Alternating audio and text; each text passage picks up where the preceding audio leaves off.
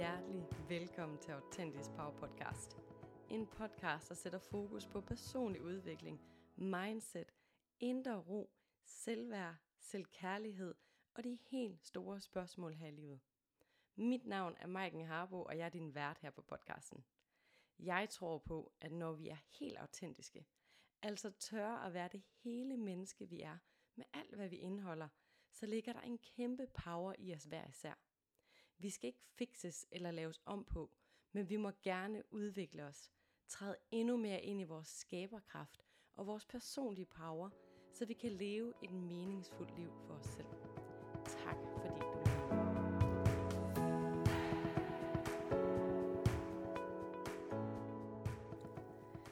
Hjertelig velkommen til, du skønne menneske.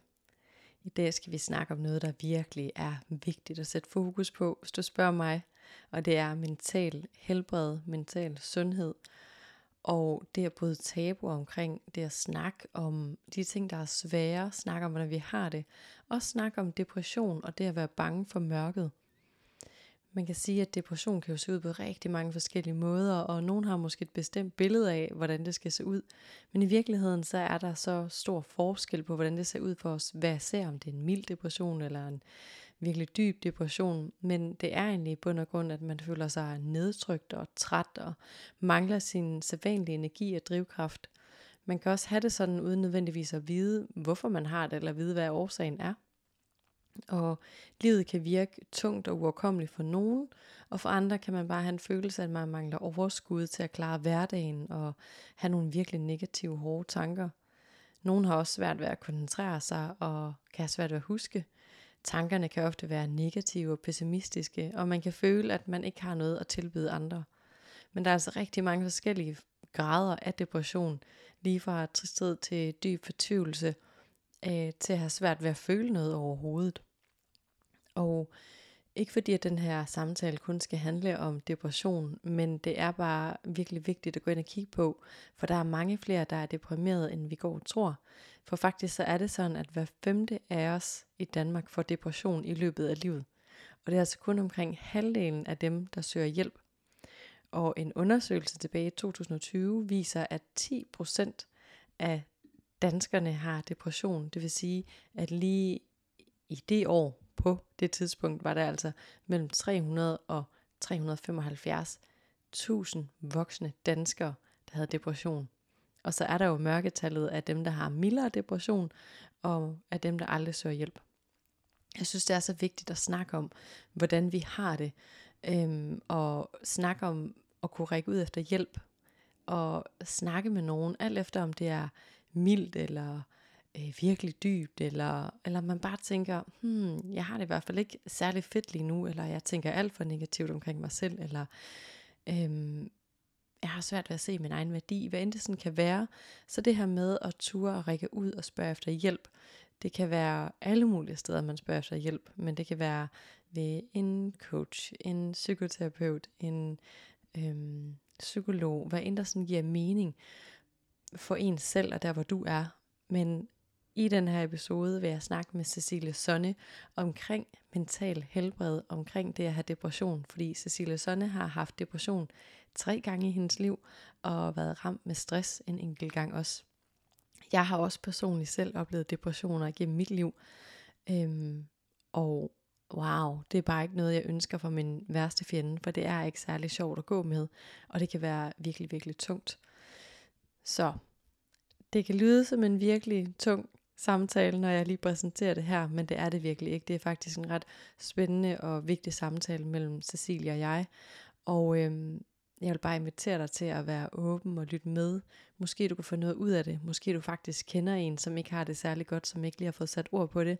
Men lad os alle sammen støtte hinanden og være mere bevidst. Wow, hvis jeg skulle udtale det. Være mere bevidste omkring mental helbred og vigtigheden af det mentale helbred og sundheden for os hver især. Og vide, at hvad end du kæmper med, så er det helt okay, det er helt normalt, men lad os tale højt om det, så der ikke er nogen, der skal sidde og føle sig alene. For det kan jeg i hvert fald huske, at det var følelsen, jeg sad med, da jeg havde depression. Jeg følte mig magtesløs og forkert og alene, selvom jeg havde gode mennesker i mit liv.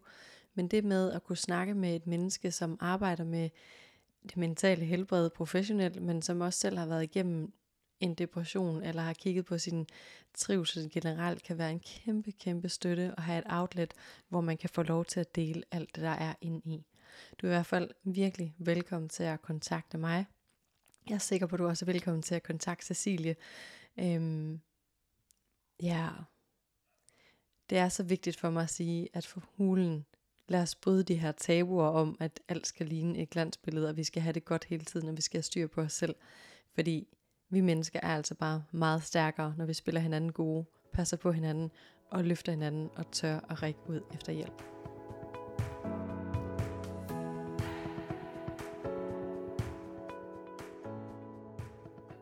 Hjertelig velkommen til Cecilie. Tak. det er så dejligt, at du vil være med. Selvom du er ja, helt i Dubai og langt væk, så er det jo bare fantastisk, at vi har mulighed for at mødes online. Jeg kan, fakt- jeg kan faktisk huske dengang, at øh, jeg flyttede til USA for første gang, der var jeg 20. Og der var internet altså ikke sådan lige så meget en ting. Så jeg brugte faktisk rigtig meget tid på at sende breve hjem til dem derhjemme. Det var sådan lidt en anden tid, ja. end hvad det er nu.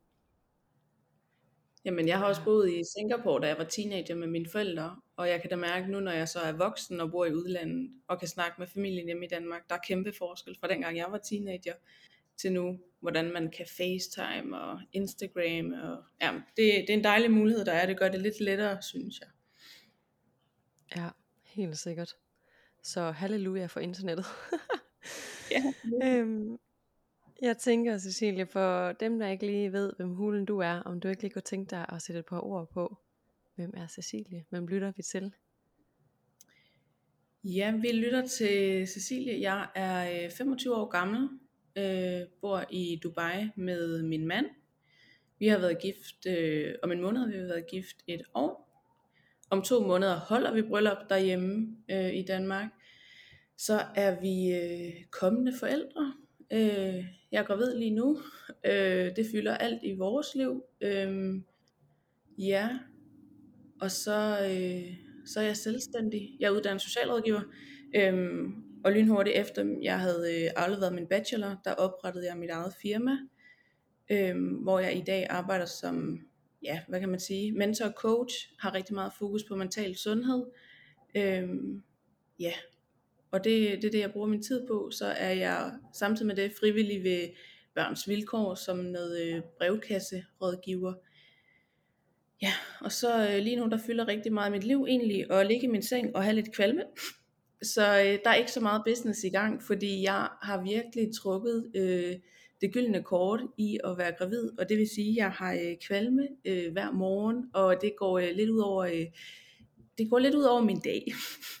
så øhm, så det fylder rigtig meget. Øhm, så ikke bare, altså vi er selvfølgelig virkelig lykkelige over, at vi skal være forældre, men, øhm, men det fylder meget, og de her tanker om, at nu skal jeg til at være mor, og jeg har været en del depressioner før, øhm, så prøver at holde mig selv rigtig meget oppe øhm, i alt det, jeg ligesom går igennem nu her. Øhm, ja, så det er det, der fylder allermest.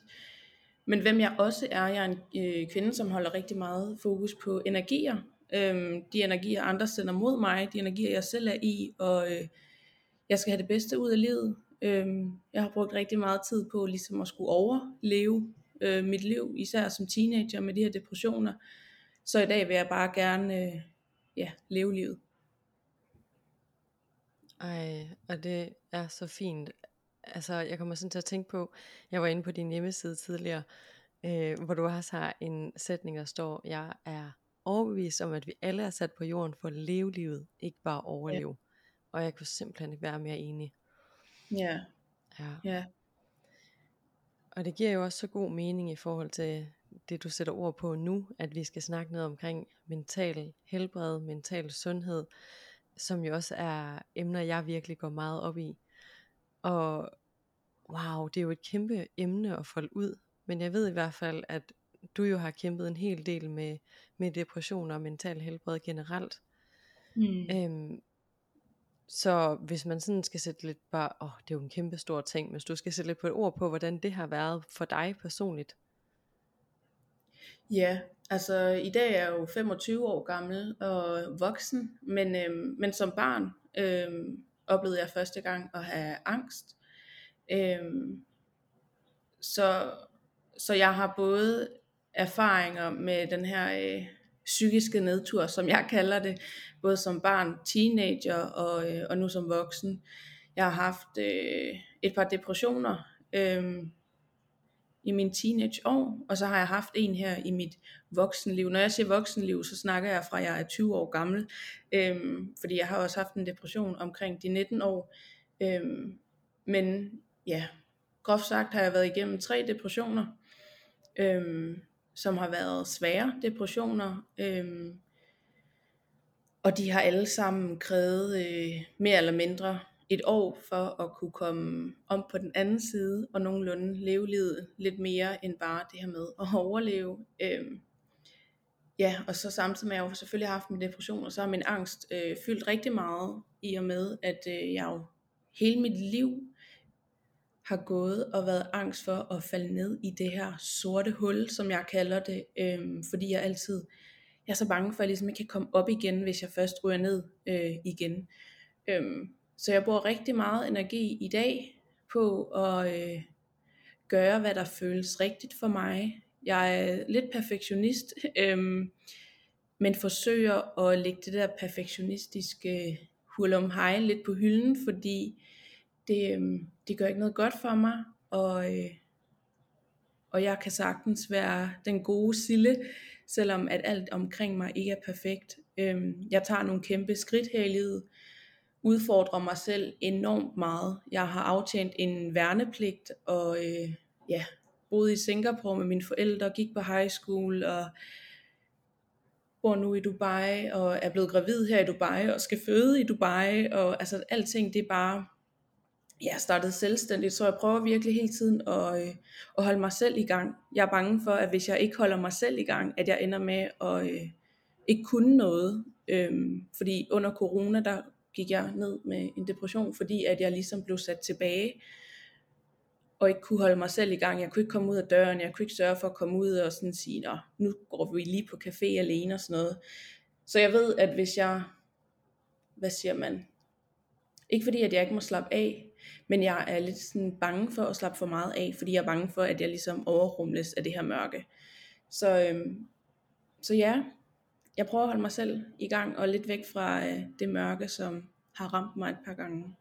Ja. Ej, jeg synes virkelig, det er virkelig interessant, ikke? den der med at være bange for mørket, og være bange for ikke at holde sig selv i gang.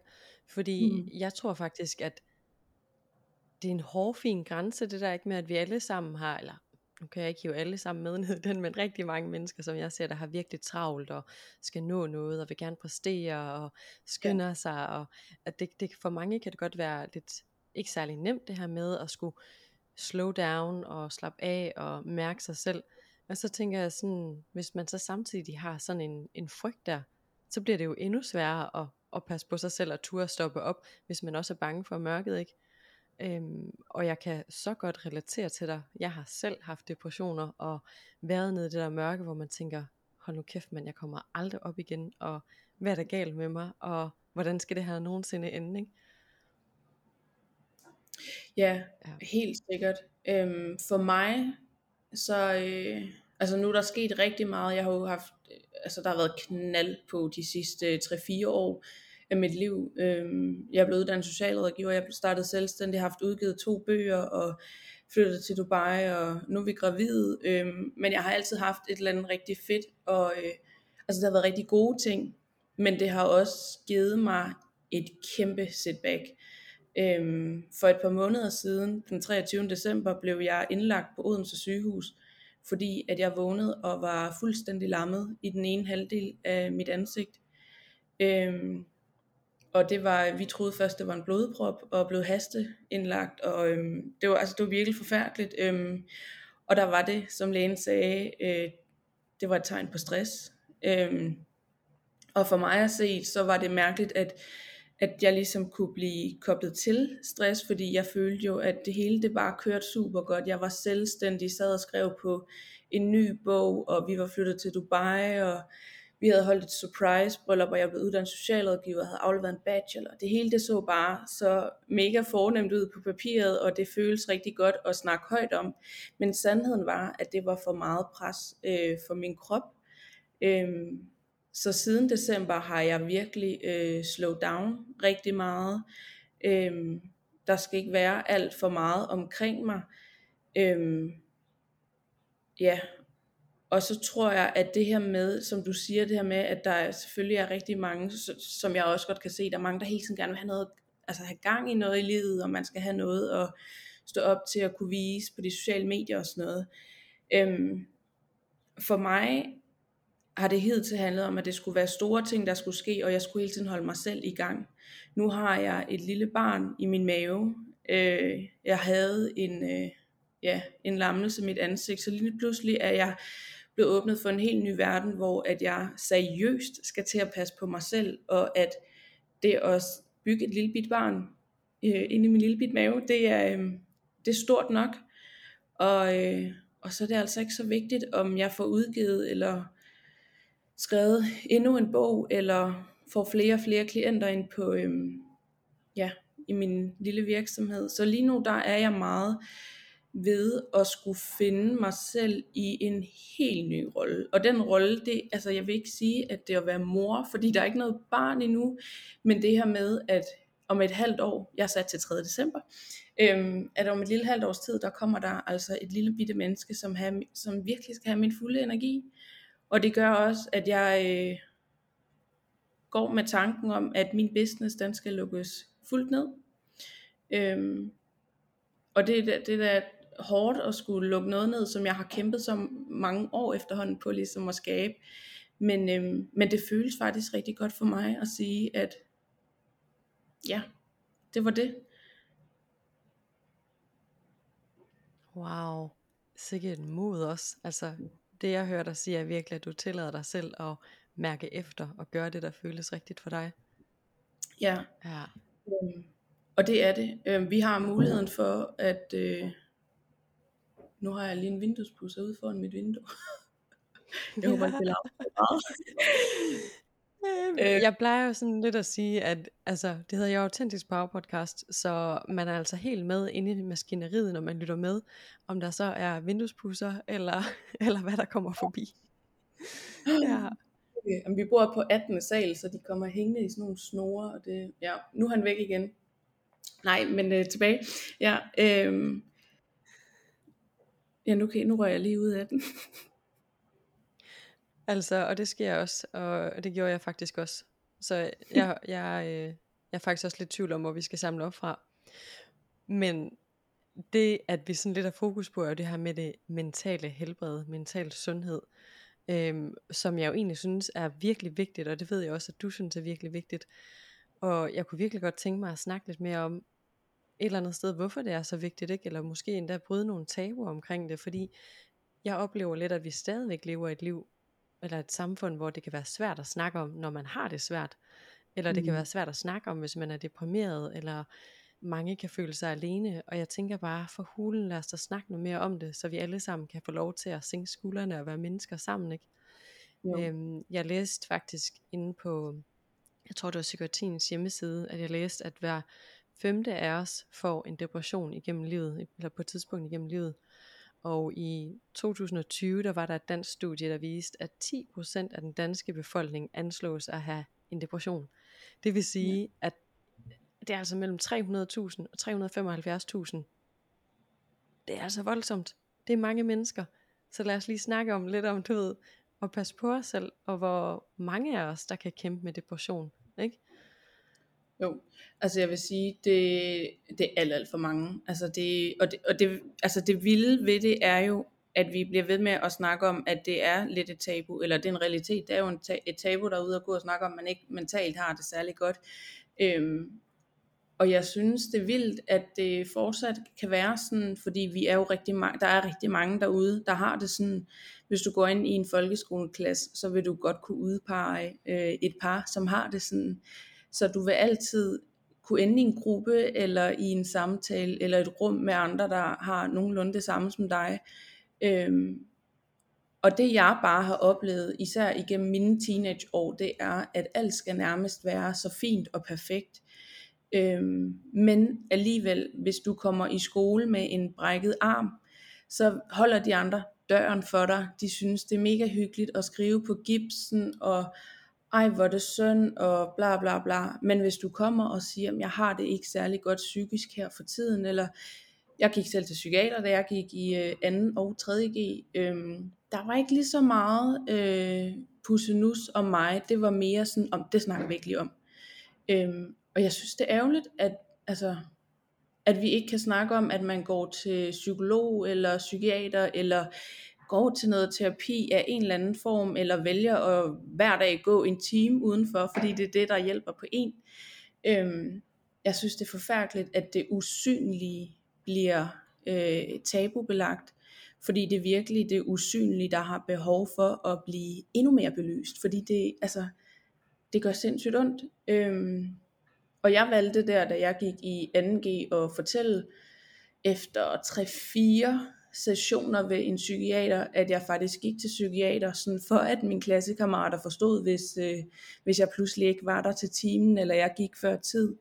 Og for mig at se, var det virkelig naturligt, fordi ja, jeg lavede bare en aftale med mig selv om, at jeg gad ikke gå rundt og holde det hemmeligt, fordi at jeg skulle passe på andres følelser, eller deres behov for, at man ikke snakkede højt om noget, som var så, øhm, altså så normalt, og jeg synes det virkelig, altså jeg synes det er ærgerligt, at, øh, at en veninde kan sidde og snakke om, at hun får lavet negle, vipper og går til frisør, men jeg kan ikke få lov til at sidde og snakke om, at jeg altså går til psykiater, fordi jeg kan love jer for, jeg får det meget bedre af at gå til en eller anden slags terapiform, end at gå ned og få lavet mit hår en gang om i måneden, eller hvornår man får det lavet. Øhm, så jeg synes det er ærgerligt, og jeg forstår ikke helt, hvorfor at det er blevet et tabu. Øhm, jeg vil gøre alt for, at øh, den lille bebs, jeg har i min mave, vokser op, i hvert fald i vores hjem, og ved, at det er fuldstændig okay at snakke højt om. Og øh, de må gerne græde, hvad end det er en øh, lille pige eller dreng, jeg har inde i mig. Det ved vi ikke endnu, men, øh, men der skal bare være meget mere fokus på, at øh, ens mentale helbred, det er lige så vigtigt, hvis ikke vigtigere, end dit fysiske helbred. Ja. Yeah. ja jeg synes, det er så interessant det her med, at jeg synes også, at vi lever i et samfund, hvor det er meget naturligt at snakke om, at vi skal bevæge kroppen, og vi skal passe på vores sy- fysiske helbred, og det er virkelig vigtigt, og lade os alle sammen træne, og da da da. Men der er ikke nogen, der rigtig snakker om det her mentale helbred, netop hvor vigtigt det er, fordi vi kan jo træne nok så meget, men hvis hovedet har det virkelig skidt, hvad skal vi så bruge det til? Altså vi skal ja. jo gerne kigge på det holistisk, at, at vi skal passe på hele os, og ikke bare en del af os. Øhm, og øhm, ja, jeg er totalt meget med på at, at bryde det der tabu, fordi ej, hvor kan der bare komme meget forkerthedsfølelse og ensomhedsfølelse op i at gå med de her ting for sig selv. Øhm, en af de andre ting, jeg faktisk læste ind på, på hjemmesiden inden for psykiatrien, det var, at det kun er omkring halvdelen af dem, der oplever depression, der får hjælp, som overhovedet søger hjælp. Og det vidner jo også lidt om, at enten at man ikke rigtig ved, hvor man skal søge hjælp, eller at det er tabu. Og øh, ej, hvor kan jeg bare sådan relatere til, hvor svært ja. det kan være at gå med alle de her tanker og følelser selv. Ja, altså jeg tænker, øh, min første depression, den, altså der var jeg 16 år gammel, øh, og den kom af, at jeg blev mobbet, da vi boede i Singapore, og jeg valgte at flytte hjem, og så skulle jeg lige pludselig finde ud af, hvem jeg var. Øh, og den her identitets øh, ændring, man lidt får i de her teenageår, den slog mig jo fuldstændig omkuld, og jeg var bange, og min angst bullerede op, fordi hvis to piger i Singapore kunne udsætte mig for øh, så meget mobning øh, og udelukkelse, hvorfor skulle folk hjemme i Danmark så ikke kunne? Øh, så jeg, altså jeg blev virkelig sådan, eller jeg blev meget bevidst om, hvordan andre folk så mig, og skulle prøve at være noget, jeg ikke var. Jeg skulle prøve at passe ind i alle grupper. Altså jeg tog nærmest en maske på hver dag, og til sidst der krakkelerede det bare fuldstændig, fordi jeg kunne ikke blive ved med at være den ene sille i den klasse, og den anden sille i, altså jeg skulle hele tiden være noget nyt, hvem end jeg hang ud med, fordi jeg skulle prøve at passe ind i, øhm, ja, i de forventninger, folk havde til mig. I dag er jeg hamrende ligeglad, øhm, men det har krævet rigtig meget know til men jeg har det bedre med bare at få lov til at være mig, øhm, og stå inden for det, jeg laver, og jeg kan da huske, da jeg så startede min Instagram, Livet skal leves, øh, så de her øh, famøse samtalevideoer, man lige en gang imellem kan lægge op, der var jeg jo bare, oh nej, altså hvad tænker folk til mig? Og dengang havde jeg, hvad havde jeg, 300 følger i starten, øhm, og jeg kan bare huske, at jeg tænkte, det her, det er så meget over altså det er langt over min egen grænse, øhm, at skulle sidde og snakke om, hvordan jeg havde det, men jeg valgte at gøre det, og det var også derfor, at jeg lynhurtigt fik skabt et kæmpe fællesskab, og fik så mange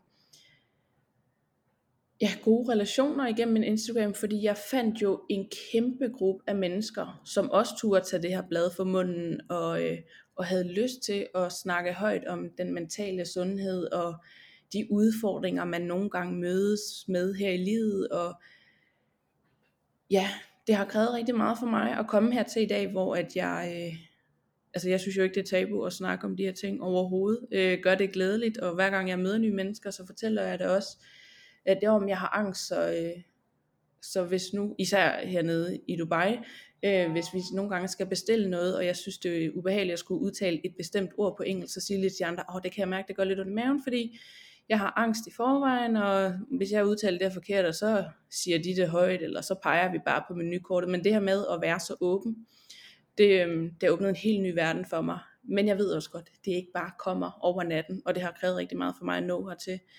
Øhm, ja.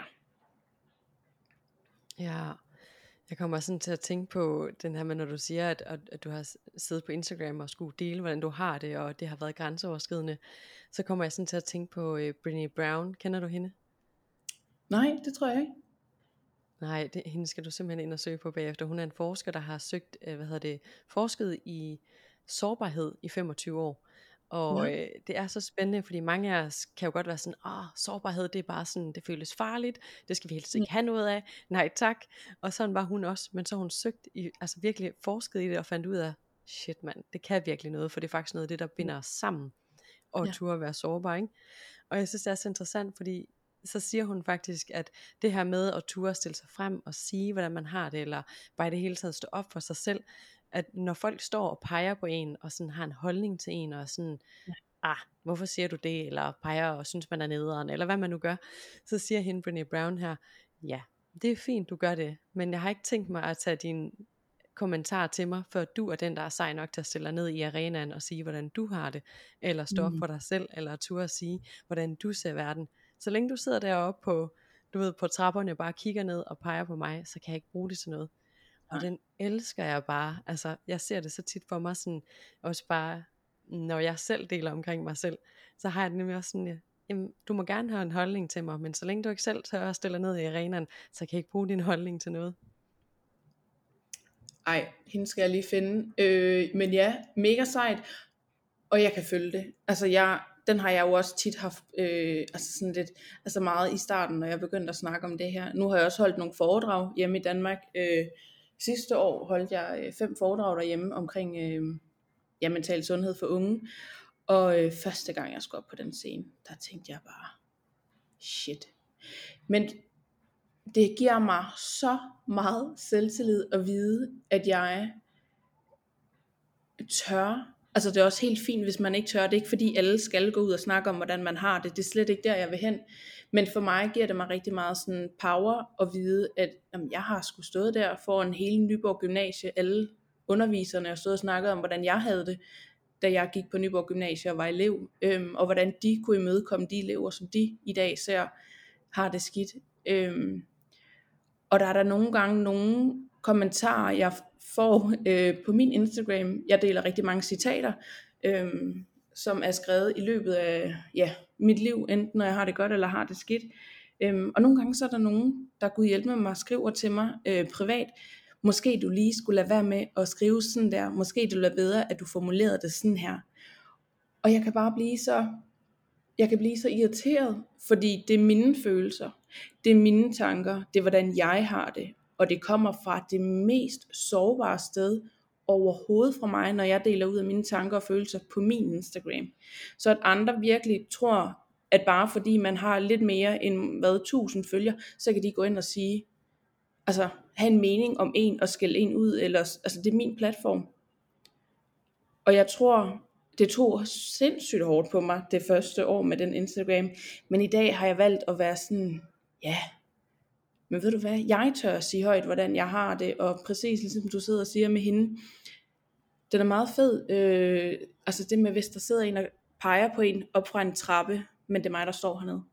Altså, virkelig, virkelig godt. Hvad siger man? Ja. Det er meget smart at tænke ja. på det på den. jeg, jeg tænker i hvert fald sit selv på det.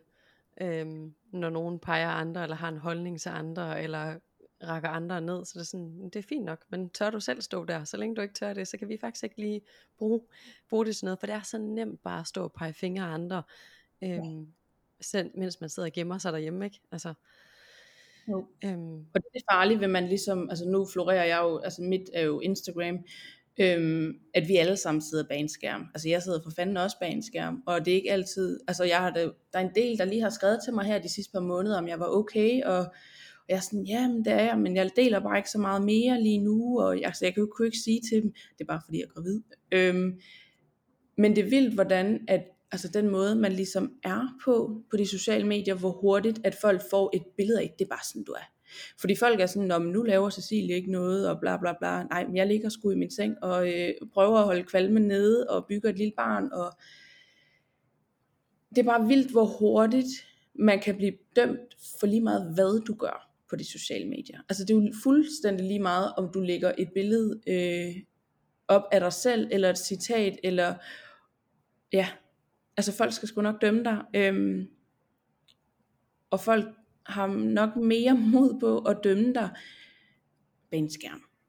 Desværre, altså jeg der, da, jeg synes det er vildt, nu var, jeg, nu var Instagram ikke som sådan noget der, da jeg var teenager.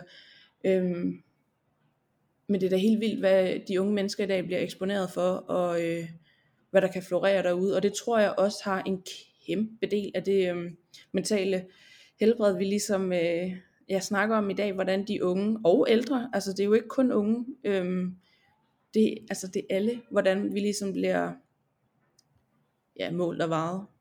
Og nu er det ikke bare, når vi mm. selv er derude, nu er det også lige så snart vi ligger hjemme i sofaen, og folk scroller over vores Instagram eller Facebook, og ja, det er trist. Ja. Men jeg vil sige, der, er også meget fedt ved. Altså. Jeg elsker de sociale medier, og det er, ja, det er sådan en hate-love relationship, ja. øh, netop på grund af de ting, du snakker om der. Jeg tror virkelig, at vi skal være meget, meget bevidste om de sociale medier, når vi snakker mental helbred. Især den her øh, tendens til, at man lynhurtigt kommer til at sammenligne sig eller kigge på et andet menneskes Instagram, eller Facebook, eller hvor man nu kigger hen, og tro, ah, dit liv er sådan der, hvor det er sådan, mm. nej, det her det er et blik, et øjeblik af mit, af mit liv. Øhm, jeg kan huske, da jeg, øh, da jeg startede med at være på de sociale medier, og snakker om mental helbred, og også snakker en hel del om, om meditation, og har undervist i yoga, og, og de her ting, og så kommer jeg hjem til en, øh, på en dag, hvor jeg sådan virkelig er i dårlig humør, og jeg føler mig tung, og jeg er sådan, åh det var bare sådan lidt en wow dag. Og så siger hun til mig, jamen altså, det forstår jeg ikke. Er du ikke sådan en, der mediterer hele tiden, og sådan snakker mental øh, help, eller sundhed og sådan noget? Men jeg sådan, øh, jo, men derfor er jeg altså stadigvæk et menneske med følelser. Det betyder ikke, at fordi man mediterer, eller fordi man går op i mental øh, helbred og sund, sundhed generelt, at så er man bare positiv og glad hele tiden. Altså Ej. sådan fungerer det jo ikke at være menneske. Ja, Jamen, og prøv at høre, det er så rigtigt det du siger. Der da jeg i december øh, fik den her lammelse i mit ansigt, øh, så delte jeg den på øh, Livet skal leves. Og så min mor, hun er det bedste menneske, men hun spurgte også, hvorfor øh, er, du, er du sikker på, at du vil dele det? Og så var jeg sådan, ja, altså det er jo en del af mig, og det er en del af at være menneske, og bare fordi, at jeg helt oprigtigt gør alt, hvad jeg kan for at leve et liv, hvor at jeg virkelig trives og har det rigtig godt, og så kan jeg jo ikke bestemme over, at, øh, at jeg pludselig får en lammelse i mit ansigt. Øhm, og den har jo taget mig, øh, altså væltet mig fuldstændig om kul, og øh, kom uden, ja, uden nogen som helst varsel. Øhm, og det skal folk også have lov til at vide, at jeg går ikke bare og har det i og å så dejligt. Og øhm, jeg mediterer rigtig meget, jeg laver rigtig meget sådan noget ansigtsyoga. Øhm, især efter lammelsen i ansigtet, det har hjulpet rigtig meget på, øh, på min ene side her. Øhm, men jeg gør rigtig meget for at, øh, at have det rigtig godt, men det betyder ikke, at jeg har det godt hver eneste dag. Vi er også bare mennesker, og det er jo fuldstændig lige meget, om man så jeg laver det ene eller andet til hverdag, så vil der komme små bump på vejen, og sådan er det også at være menneske. Men jeg tror, det med at kunne ture og være helt ægte, autentisk, det giver rigtig meget. Altså for mig gør det rigtig meget, at jeg ikke behøver at være fake øhm, på min Instagram. Jeg glæder mig rigtig meget til, at jeg kan fortælle lidt mere højlydt om, hvorfor jeg er så stille, at det er bare fordi, at jeg er øh, ved at bygge en baby, øhm, og jeg ikke er øh, død hernede i Dubai, men, øhm, men at det er derfor, at jeg har været lidt stille, fordi at jeg ikke har det så godt. Øhm, jeg kunne også bare have valgt at dele det fra starten, men, øh, men det er lidt sårbart de her uger. Øhm, så når nakkefold er over, og vi kan være lidt mere tryg, så deler vi det. Ja. det er så fint. Det er jo virkelig også bare at være tro mod dig selv. og det der føles godt for dig. Ja. Men for hulen, hvor synes jeg, at, at det, det faktisk er en ret vigtig samtale at have gang i det her med, at vi er alle sammen mennesker, vi har alle sammen følelser, livet går op og ned, og det gør det for os alle sammen. Øhm, og jeg får sådan lyst til også at, at snakke om vigtigheden af, som jeg ser det i hvert fald, at passe på sit mentale helbred. For mig betyder det også at lære at være med det, der er svært. Lære at være med sine følelser. Lære at tage sig af sig selv. Øhm, fordi hvis vi hele tiden er bange for mørket, øhm, ah, så kan vi hurtigt komme til at leve i frygt også. Det har jeg i hvert fald selv gjort i mange år efter min depression. Og jeg har også haft et par stykker af dem, hvor jeg virkelig bare var sådan, fuck, hvis det der kommer igen, så ved jeg ikke, hvad jeg skal gøre mig selv. Hvor nu der har jeg rigtig meget fokus på, hvordan kan jeg passe på mig selv? Hvordan kan jeg være god ved mig selv? Hvordan kan jeg lære mig selv at være i det, der er svært? Fordi så føles det ikke lige så øhm, farligt, det her mørke, fordi så ved jeg, at det skal jeg nok klare. Øhm, men det er virkelig også en rejse. Det er en kæmpe rejse, og det kræver rigtig meget. Og jeg tror, altså der er jo ikke noget, der hjælper for øh, alle mennesker, fordi vi er så vidt forskellige. For mig har det hjulpet rigtig meget at øh, huske, at der, altså, mørket, der er også noget fint i det. Altså jeg, i min tredje de, eller anden depression der, der udgav jeg jo Uvending, som er min første bog, øhm, og det førte til, at jeg åbnede min Instagram, og det har ført dertil, hvor jeg er i dag.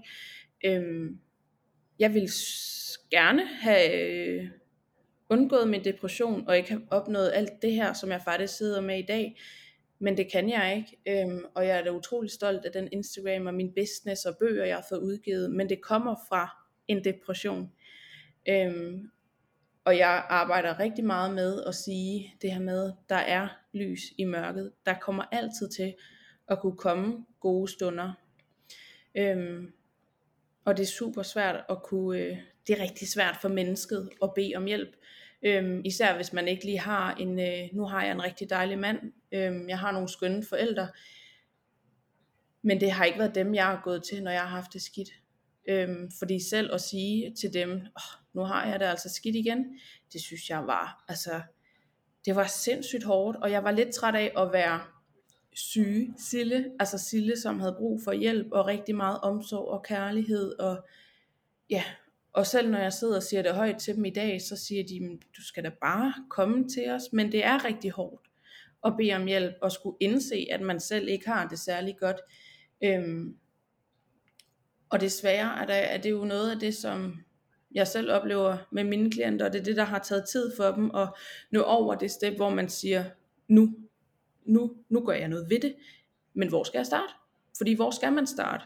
Øhm, for ja, psykolog, det er nok det, som de fleste hører, at øhm, så får du en henvisning til psykolog, hvis du lige tropper op ved lægen. Men bare det at troppe op ved lægen, det kræver også enormt meget. Eller ringe til lægen for det første, eller i det hele taget først lige skulle indse, jeg har det ikke særlig godt. Okay, hvad gør jeg så? Så hele den proces med, at du først skal indse, okay, jeg har det ikke særlig godt. Hvad gør vi ved det? Hvem ringer vi til? Nå, så skal jeg lige få mig selv til at kunne ringe til lægen. Så skal jeg møde op ved lægen. Så skal jeg sidde og fortælle lægen, hvordan jeg har det. Så giver de en henvisning. Så kommer jeg til psykolog. Måske var psykologen ikke det, der hjælper for en. Måske skal man ud og have noget helt andet. Jeg har nogle af mine klienter, de, øhm, de skal bare gå en tur og så det er deres psykolog. Øhm, men der er så mange forskellige behandlingsmuligheder øhm, og hjælpemuligheder, vi har. Men det er som om, at det eneste rigtige, vores samfund ligesom siger, det er at gå til psykolog. Og det er altså ikke psykolog, der hjælper på alle. Så der skal også være et eller andet sted i den her verden, hvor det skal være okay, at det ikke bare er psykolog, man går til, eller man prøver noget helt øh, ja, femte. Øhm, og det kan være svært at finde ud af, hvorhen man ligesom har det bedst, og hvad der hjælper på en. Øhm, I dag hjælper rigtig meget for mig at stå tidligt op, have en morgen for mig selv, øhm, spise mega sund morgenmad, øhm, fordi det får min mave til at få det godt, og så har jeg en bedre dag. Øhm, ja, så det er forskellige ting, der hjælper, og jeg synes, det er vigtigt, at, at der er det her åbne forum for, hvad der hjælper på en, og der ikke kun er et rigtigt svar, og der ikke kun er en rigtig måde at have det på, og der ikke kun er en rigtig følelse, du kan have, og du må godt have ja, gode dage, og så kan du også have dårlige dage.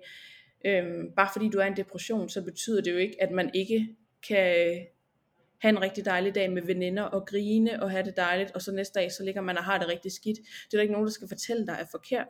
Hvis du er sygemeldt med stress eller ja, en depression, men du lige har brug for at komme på café med en veninde, så er der jo ikke nogen, der skal stå og, øh, og pege fingre af dig, fordi at du ikke ligger hjemme i sengen. Fordi hvis det hjælper dig at lige at komme ud på café, så er det det, du skal gøre. Altså, det er så forkert, at bare fordi, at vi har det skidt, så skal vi ligge hjemme i sengen og græde, og vi skal tage på i vægt, eller vi skal tabe os, og sådan, der skal hele tiden, det er som om samfundet har skabt det her billede af, hvordan man er, når man er syg. Og jeg kan slet ikke, altså jeg kan slet ikke være i det. Jeg skrev min bachelor midt i en kæmpe depression. Blev uddannet socialrådgiver, blev gift med Andreas for et år siden, midt i en kæmpe depression. Altså jeg var lykkelig på vores bryllupsdag. Det var det bedste. Men jeg havde en depression. Altså, så jeg synes det er forfærdeligt, hvordan at vi bliver målt og varet på, hvordan vi er, når vi har det skidt. Og hvordan vi har det, når vi er glade. Og at der ikke må være gode dage. Og det, altså det hele, det skal bare være så, ja, sat op i kasser. Og jeg hader de kasser. Altså det gør jeg. Det er puha. Altså, ja. Ja, jeg kunne ikke være mere enig. Jeg er bestemt heller ikke til kasser, selvom at vi som mennesker virkelig har en tendens til at putte hinanden og os selv i kasser. Ja. Ikke? Men jeg tænker, at det er virkelig vigtigt at være bevidst omkring det her med også, at, at depression også kan se ud på forskellige måder, ikke? Fordi der er, altså, lige meget hvordan vi er som mennesker, så er vi også, vi er så alle sammen så forskellige, og depressioner ser også forskellige ud. Så jeg tænker også, sidder man derude og tænker sådan, ja, men jeg ved egentlig ikke, er jeg deprimeret, eller har jeg det bare lidt småskidt, eller du ved sådan, hvad end man har, så får jeg bare lyst til at sige sådan, hvad end du føler, så er det okay, og så er det sådan, du har det. Og man må gerne søge hjælp, om man bare føler, at det halter lidt, eller man føler, at man er ved at ryge i afgrunden. Altså der er ikke nogen sådan noget opsætning for, hvornår skal jeg søge hjælp, og jeg håber, at den her samtale også er med til at sådan aftabuisere det lidt, for at at søge hjælp er egentlig bare en styrke, i mine øjne i hvert fald, på at mm-hmm. hey, jeg kæmper med det her, jeg kunne godt tænke mig at enten at have det anderledes, eller have nogen at snakke med det om, eller finde ud af, hvad går det her egentlig ud på? Og det i mine øjne er virkelig en styrke, at ture og række ud efter hjælp til, at finde ud af det, man har behov for at finde ud af. Øhm, jeg kan huske, at jeg havde min sidste øh, depression, der gik jeg til lægen og, øh, og var sådan, ah, jeg skal have noget hjælp. Jeg ved slet ikke lige, hvad jeg skal gøre mig selv. Og øh, så udfyldte jeg sådan et schema. Man, det, man får jo, ja, der er kasser og rammer og det hele, så du får et fint schema, der åbenbart skulle fortælle, hvordan jeg havde det. Og da jeg havde udfyldt det, så siger lægen til mig, ja, det ser godt nok ud til, at øh, du har en depression. Og så fik jeg udskrevet øh, nogle piller, jeg ved ikke, hvad de hedder, antidepressiv eller lykkepiller, eller hvad de hedder. Og så var jeg sådan, sygt forvirret. Jeg var sådan, skal jeg ikke snakke med nogen? Kan du ikke henvise mig til nogen? Ej, du skal, du skal have dem her, som måneds tid, så kan vi to lige snakke sammen igen. Og jeg var sådan Nej. helt, hvad? Altså, jeg havde ligesom hørt om, hvad de her piller, de gør.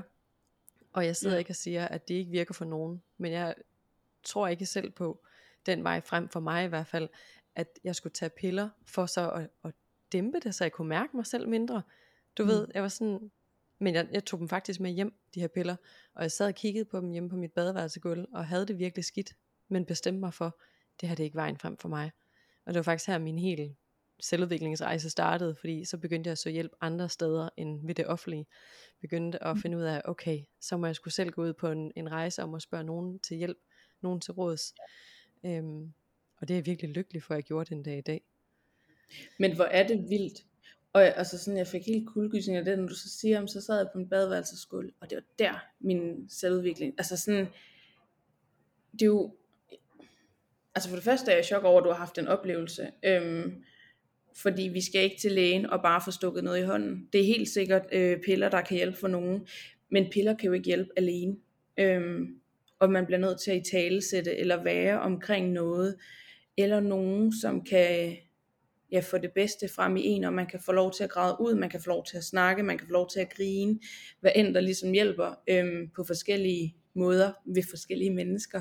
Øhm, ej, wow. Ærgerligt, at det, altså jeg, jeg ved det ikke, jeg er lidt i chok, og jeg synes det er ærgerligt, at det er den, altså selvfølgelig super dejligt, at du faktisk kunne starte øh, din rejse der. Øhm, men ærgerligt, at det skal være på et badeværelsesgulv, fordi lægen har stukket piller i hånden. Øhm, ja. Jamen også fordi jeg sidder og tænker nu ikke, at, at jeg har måske stadigvæk i alt det, der har været svært, været heldig, fordi jeg har nogle virkelig gode mennesker i mit liv, øhm, og fordi jeg på en eller anden måde, på mystisk vis, var stærk nok til i depressionen at tage min egen vej, ikke?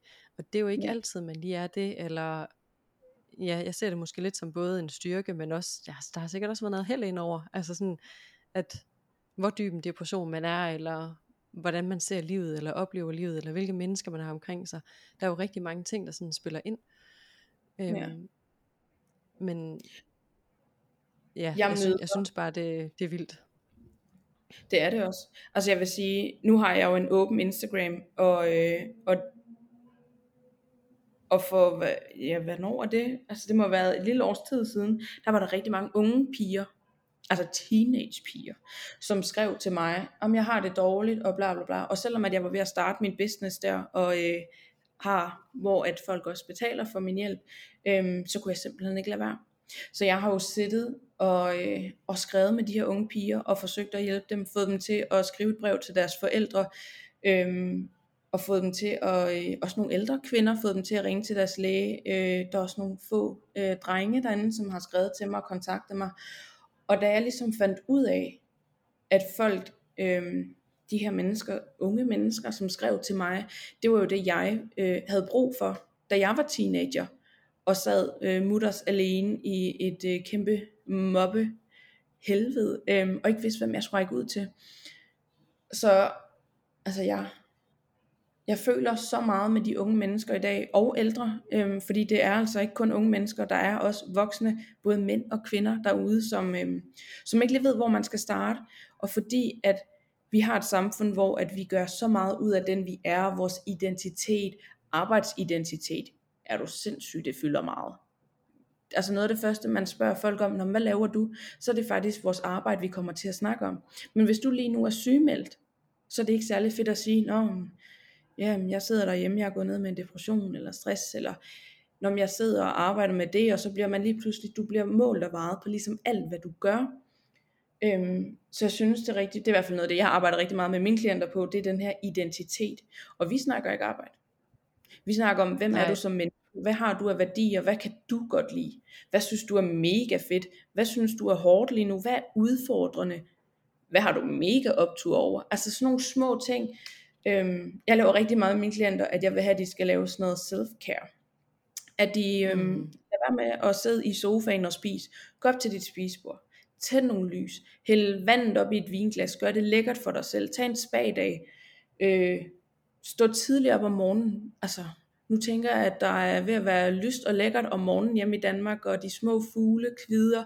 Stå op, tag bare et kvarter ude på altanen eller terrassen, eller gå en tur gennem byen, havnen og lytte til morgentrafikken, og så gå hjem og gøre dig klar. Skab et liv, som ikke kun handler om, hvad skal man sige, arbejdsidentiteten. For vi er meget mere end det arbejde, øhm, og de, hvad siger man, forventninger samfundet har af os som menneske. Fordi du er ikke samfundets menneske, du er dit eget menneske. Øhm, ja, så det arbejder jeg, jeg rigtig meget med. Ja, jeg synes det der, det er så vigtigt, og jeg kunne ikke være mere enig. Jeg, øh, jeg gør selv fuldstændig det samme med, med mine klienter, og vi har, øh, Jeg har et gruppeforløb med, der hedder Soul Sisterhood, hvor at når vi præsenterer os for hinanden, alle kvinderne på det her forløb, så, øh, så siger jeg, fortæl om navn, og så har jeg nogle forskellige andre ting. Men navn er det eneste sådan, den typiske ting, som man skal præsentere sig selv med. Vi skal ikke nævne, hvad din alder, hvad dit job, øh, altså de der sådan formelle ting, der er bare sådan, det er lige meget. Det betyder ikke noget ja. i det her space. Jeg vil høre, hvem er du? Hvilke tanker ja. har du? Hvordan har du det? Hvad fylder i dit liv? Altså, hvordan er det at være menneske for dig? Og lad os være mennesker sammen. Og det er bare mm. et helt andet sted at komme fra, når man skal møde nye mennesker og skabe et fællesskab, end det er, når vi skal gå ind og måles og vejes og præstere for hinanden. Det er bare sådan, glem det. Det er slet ikke vigtigt. Ja, og jeg tænker, altså øh, rigtig meget af vores liv handler jo også om relationer, og det er da mega svært at skabe en relation til et andet menneske og finde ud af, klikker vi sammen, hvis det bare handler om, øh, om ens arbejde, øh, hvor gammel vi er, øh, hvor bor vi. Altså hvis nu vi sidder, så kunne jeg sige, jeg elsker at læse. Jeg elsker det. Og jeg elsker øh, tidlig morgener, solnedgang. Jeg elsker også bare at ligge i en seng en hel dag med min mand, og ikke lave noget som helst. Men jeg elsker også at rejse. Og jeg elsker at rejse på den måde, jeg kan godt lide at opleve noget at rejse. Jeg gider ikke bare ligge ved en strandstol. Så sådan nogle ting, i stedet for at sige, at jeg er uddannet socialrådgiver, jeg men det var jo også den måde, jeg selv præsenterede mig på her i podcasten. Og det er sindssygt svært ikke at køre udenom. Øhm, men vi bliver også forskellige, altså vi kommer jo i forskellige roller gennem hele livet. Jeg tror om et års tid, hvis vi laver en podcast afsnit der, så vil jeg sige, at jeg hedder Cecilie, og øhm, jeg er mor. Altså det vil da nok være det første, jeg kommer til at sige. Øh, fordi jeg er da helt sikker på, at øh, den lille øh, et eller andet, der er inde i mig, at den kommer til at fylde meget mere end alt andet. Øhm, og jeg har været super glad for at starte min business op og de her forløb. Øhm, men jeg er så klar på at lukke det lidt ned, i hvert fald kun så jeg har 25% øh, arbejde, når det her baby kommer. Nu er jeg selvstændig, så det er en helt anden måde at have barsel på. Men, øhm, men det bliver vildt. Og det er den identitet, som jeg øh, aldrig nogensinde har kommer til at kunne være øh, forberedt på, fordi det kommer jo bare, altså, ja, jeg har da været studerende Sille, jeg har været, ja, Cecilie hjemme i Danmark, og nu er Cecilie i Dubai. Øhm, om lidt der er mor. Så ja, jeg tror også bare, det er, altså at ja. Jamen det er mega vildt og mega stort, og, og ja, jeg tænker ligesom du siger, at vi kommer igennem livet hele tiden. Livet er dynamisk, og der kommer ja. hele tiden noget nyt, vi skal forholde os til, og en ny måde, vi ser os selv på, alt efter hvor vi er henne øh, i livet, og hvilket miljø vi er i. Men for hulen, hvor synes jeg, det er, det er vigtigt det her med, at finde frem til, hvad gør mig glad lige nu og her? Hvad vil jeg gerne have fokus på, i stedet for at være sådan yderstyret omkring, hvad tænker de andre, eller hvad burde jeg gøre, eller øh, hvilken status har jeg i samfundet i forhold til de andre. Altså sådan alle de der yderstyrede ting, jo mere vi sådan kan putte det lidt væk og vende os selv indad og være sådan, hvad vil jeg egentlig gerne med mit liv? Og det er jo også en kæmpe rejse, men noget jeg i hvert fald personligt har brugt virkelig lang tid på, og også bruger tid på med mine klienter at finde frem til. Fordi selv det, der er rigtigt for mig, er ikke rigtigt for mine klienter, så vi finder frem til, hvad er rigtigt for dig. Og du må gerne ja. være dig, du må gerne føle det, du gør, du må gerne være det, du har lyst til at være, du må gerne leve dit liv, som du har lyst til. Men det handler om, at vi skal stoppe op og ture og kigge på, jamen hvad er det så jeg vil, i stedet for at, at have fokus på, hvad alle de andre vil, eller hvad man burde, eller hvad samfundet siger. Øhm, jeg kan huske dengang, at jeg, øh, jeg arbejdede på mit tidligere job, og jeg var egentlig glad for det, samtidig med at jeg overhovedet ikke trives der. Og da jeg mm. endelig får sagt op der, så får jeg det så meget bedre. Mine skuldre de sænker sig, min migræne mm. forsvinder, jeg får det så meget bedre. Men jeg har ikke nogen plan andet end at wow, den rejse jeg selv har været på, vil jeg gerne dele med andre, så jeg vil være selvstændig, og ligesom komme ud og snakke om netop de ting, vi snakker om nu, og dele min rejse, øh, om at få det bedre, sådan mentalt. Og øh, wow, det bliver en lang historie det her, men det jeg vil sige er, at jeg mødte flere gange på den rejse folk, der sagde, ej, du kan da ikke bare sige op, og så ikke have noget andet klar. Altså, hvad laver du? Hvad fanden tænker du egentlig på? Og i de situationer var jeg heldigvis nået så langt på min rejse, at jeg var sådan, det er fint, at du tænker, det er fjollet, men jeg gør det rent faktisk lige nu, så du kan ikke stå og fortælle mig, det kan man da ikke, fordi jeg gør det faktisk.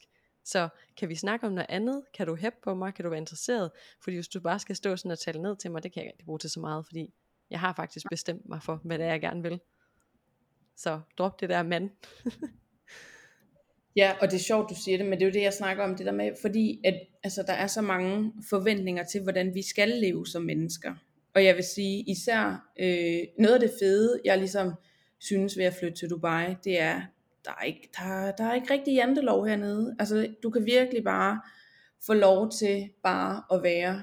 Øhm, lige da vi øh, annoncerede, at vi ville flytte til Dubai, så var det da også meget sådan, om så skal I bare på, og jeg møder den stadig i dag, at øh, når jeg ligger der bare ved poolen, og der er palmer, og der er sol, og det er bare luksuslivet, og jeg er bare, er du sindssyg, I har det luksus hjemme i Danmark. Altså det er da ferie for mig at bo i Danmark i stedet for her. Det kan godt være, at vi har sol og palmer, men jeg ligger altså ikke udenfor eller nede ved en pool hver dag overhovedet. Vi laver mad, vi går på arbejde, vi vasker op. Vi har ikke en maid, der går og gør rent for os på nogen måde. Det gør jeg. Altså sådan, den forventning, jeg ligesom, eller ikke forventning, men det pres, vi ligesom lidt blev udsat i, at nu skulle vi bare være glade for, at vi boede her, og vi skal bare, altså jeg kan ikke få lov til at sige, og det møder jeg stadig med nogle veninder derhjemme, at jeg synes, jeg synes det er enormt ensomt lige nu. Jeg har det rigtig, rigtig svært ved at bo hernede lige nu, især fordi jeg er gravid, jeg savner min mor, øh, jeg savner min mormor, jeg har valgt, at vi skal flytte hjem, når min barsel er over, fordi jeg vil hjem og have mine børn tæt på mine forældre. Vi mistede min farmor for to-tre måneder siden, og jeg blev gravid, stod med en positiv graviditetstid fire uger efter min farmors død, og jeg har lagt min farmors død på hylden, fordi hun skal først i jorden, øh, når vi kommer hjem her til sommer. Og det er sindssygt hårdt, det er mega ensomt. Jeg har tre veninder hjemme i Danmark, som den ene har lige født, har to, der skal føde her til sommer. Der er altså tre veninder derhjemme, som også er gravide, og jeg sidder hernede og er helt alene. Der er ikke mødergruppe, der er ingenting. Øhm, og det er enormt ensomt. Det er så ensomt, og det er en helt anden snak i forhold til, hvordan jeg psykisk har det lige nu, og prøver at holde mig selv rigtig meget op, fordi jeg jo har den historik med depression, og lige nu bare er sådan, jeg skal bare ikke ned. Jeg skal simpelthen ikke ned med det her flag, fordi det kan jeg ikke. Jeg har et barn om et halvt års tid, vi har et bryllup, vi skal have her om en lille måned, altså to måneder. Der er så meget, der fylder. Øhm, men når jeg bliver mødt med veninder derhjemme, øhm, når vi skriver lidt sammen, og sådan, Nå, men du er der på ferie, du kan da bare lige gå ned til stranden. Jamen, I kan da også bare gå en tur i skoven. Altså det, jeg craver allermest, det er at gå i en dansk skov. Altså, sidde og snakke dansk, sidde og få, altså, er du sindssyg? Altså, cravings efter remoulade. Altså, det er vanvittigt. Hvor at det er så, det er absurd, hvordan den her forestilling om, hvordan det er, bare fordi vi lige pludselig flytter til Dubai, at det skal være bling, bling og blær. Det er det overhovedet ikke. Altså, det er det sværeste i nu har jeg også boet i Singapore som teenager, så jeg vidste godt, hvordan det var. Og jeg kendte godt til jantelov og folk, der har ondt i røven over, at man bor lidt et andet sted. Men der er ikke noget hold i det. Altså jeg synes, at folk hjemme, de skal lade være med at brokke sig. I havde varme videre i går. Jeg synes, det var så hårdt at sidde og kigge på de her boller og tandsmør, og vi sidder bare hernede, og du kan fandme ikke få varme videre. Men jeg får det dårligt i køkkenet, så jeg går ikke ud og bære. Øhm, men der er bare så meget ved det, og jeg er lykkelig over, at vi turer tage afsted, og vi er her, og tør springe ud i livet. Men jeg synes det er hårdt at blive mødt med, hvordan folk tror det er, og de faktisk ikke lytter til, at det her det er en helt almindelig hverdag. Altså, vi har bare et liv. Det er ikke fordi, det er, ja, det er svært at sætte ord på, men det er rigtig, rigtig ensomt, og det er svært at være øh, ude i verden, øh, når folk måske ikke 100% tør at forstå, hvordan det er. Jeg elsker, at du sætter ord på det, og også sætter ord på, på ensomheden, og, og hvordan det er, fordi at det er jo netop sådan nogle samtaler som dem her, jeg tænker, at vi mennesker har behov for, for at vide, at livet er dynamisk. Det går op og ned. Der kan godt være noget godt og noget skidt ved det hele. Vi kan ikke flytte os et sted hen, om det så er hjemme i Danmark eller i udlandet, eller du ved den der med, nu flytter jeg mig for et nyt job, eller nu flytter jeg mig for et nyt forhold, og så tænke, så er alt godt. Altså, ja, vi mennesker kan ikke flytte os, og så tænke, når jeg opnår det her, eller når jeg kommer derhen, så er alt godt. Når, når hun er derovre, hun må bare have det helt perfekt, hvordan kommer jeg derhen? Du ved, den ja. der med at finde ud af, hey, livet er lige nu og her, og lige meget hvor du er, og hvordan, altså sådan, hvilket menneske du er, så går det op og ned. Så hvordan kan du forholde dig til det, du er i nu, og finde glæden i det, du er i nu, velvidende, at nogle gange er det også tungt. og så klarer vi også det. Ja, præcis. Og det er også det, min pointe er, at det her med, bare fordi man flytter, nu har jeg boet øh, også en del steder i, hjemme i Danmark. Jeg har boet i Nyborg, gik på Nyborg Kostskole, og har boet lidt i Odense, og har boet i Svendborg, og er oprindeligt fra Ærø, og jeg har flyttet rigtig meget i mit liv. Og jeg kan bare mærke, at lige meget, hvor jeg har boet, så har jeg været ramt af en depression. Øhm, og det har været indre konflikter det har ikke så meget været om det ydre. Jeg kan godt mærke, at jeg blevet gladere, fordi at jeg får meget mere, øh, altså der er meget mere sol, og det er lyst. Og det påvirker mig rigtig meget, de her mørke vinterdage, der er hjemme i Danmark. Øhm, så på den måde kan jeg mærke, at det er federe psykisk at bo øh, i Dubai. Men der er lige så mange øh, ja, udfordringer, og der er et kæmpe savn hjem til Danmark, og til jul, vi står til at skulle føde 3. december, eller jeg skal føde, det er, min, det er mig, der går igennem det her, det er ikke Andreas. jeg skal føde 3. december, øhm, så vi kommer ikke hjem til jul i Danmark, vi kommer til at skulle sidde hernede, og det der er super ærgerligt, og det er ikke julet på samme måde, fordi det er altså til jul hernede er de her 18-20 grader, øhm, men til gengæld, så har vi en lille prins eller prinsesse i vores arme, og det glæder jeg mig utrolig meget med, så er der rigtig meget øh, godt og dårligt. Altså det er virkelig mange positive og negative ting i, øh, hvor end vi har boet. I Singapore elskede jeg at bo der. Jeg synes, det var røvfedt at gå på high school og have skoleuniform på. Lige indtil jeg lige pludselig øh, vågnede en morgen og kunne se, at der var skrevet nogle grimme beskeder om mig. Øh, men ja, livet det er dynamisk, som du siger, og der vil komme op- og nedture. Øh, lige meget hvor, hvem eller hvad du er. Øhm, og det tror jeg bare er virkelig vigtigt at huske, at det er jo ikke altid bare på det enkelte menneske, vi kan se, hvordan de har det. Øhm, der er så meget mere inde bagved, og jeg tror da ikke, der er nogen øh, overhovedet, der kan se, at jeg er gravid af mine følgere. Øhm, de tænker, kan jeg så se øh, på nogle af beskederne, øh, om der er noget galt. Øh, og der tager de jo nok, om der er noget negativt galt, men jeg er jo bare super lykkelig, og glæder mig, og er spændt, og skide nervøs, og øh, står for en helt ny hverdag her om lidt. Ja, og jeg elsker måden du slutter af på lige nu ved at være sådan, okay, der kan faktisk godt være lykke og ensomhed og frustration og afsavn ja. og glæde på én gang i ens liv. Ja. Altså, det synes jeg er så smukt. Og når vi lærer at kunne være med det, så bliver det lidt nemmere at være menneske, lidt nemmere at snakke om det, der er tungt, og dele det, der er nemt. Ja, og jeg tror bare, ja. jeg ved faktisk ikke helt, om man nogensinde lærer det. Jeg tror, det handler om at, øh, fra gang på gang ligesom finde ud af, okay, hvor er jeg? Slå lige, altså ro på, finde ud af, hvor du er, hvad har du lyst til, hvordan har du det i dag? Tjek ind med dig selv meget mere. Øhm, det er jeg blevet bedre til, men det har også krævet noget at øh, nå hertil i dag, hvor jeg, øh, jeg rent faktisk tjekker ind med mig selv, og lige finder ud af, hvad har jeg brug for. Jeg har sagt til min kæreste, eller mand, at øh, jeg har altså brug for snart at komme ud, fordi jeg vil være røvtræt af at ligge i den seng og have det dårligt. Så i går tog vi ud og fik en bøf, og jeg er lykkelig i dag. Altså jeg har det så godt, og jeg har sovet så tungt, fordi jeg lige fik lov til at komme ud. Og det var bare, det var lige hvad jeg havde brug for. Ja, for Små ting, som gør store forskelle, ja. Ja, ja. Cecilie, jeg føler, at vi kunne snakke længe, og jeg er også sikker på, at vi har meget mere at dele begge to omkring vores historie omkring depressioner, fordi for hulen, hvor er der meget bag det, og også mental helbred, men tiden flyver afsted. Så jeg vil bare sige tak, fordi du delte det, du har været med til at dele i dag, og kæmpe stort tillykke med, med lille baby i maven. Tak, det er så dejligt. Tak, tak, tak. Er der noget, du har lyst til lige at sige her på falderæbet, inden vi, vi slutter af? Jeg vil sige, at øh, livet er øh, stort og smukt, selv når, øh, når det er mørkt. Men øh, månen, den skal nok skinne i mørket, og øh, der er altid en solstråle på vej. Ja, elsker det. Verdens mm. fineste afslutning. Tak fordi du var med, og tak for din tid. Nej, selv tak. Det var dejligt.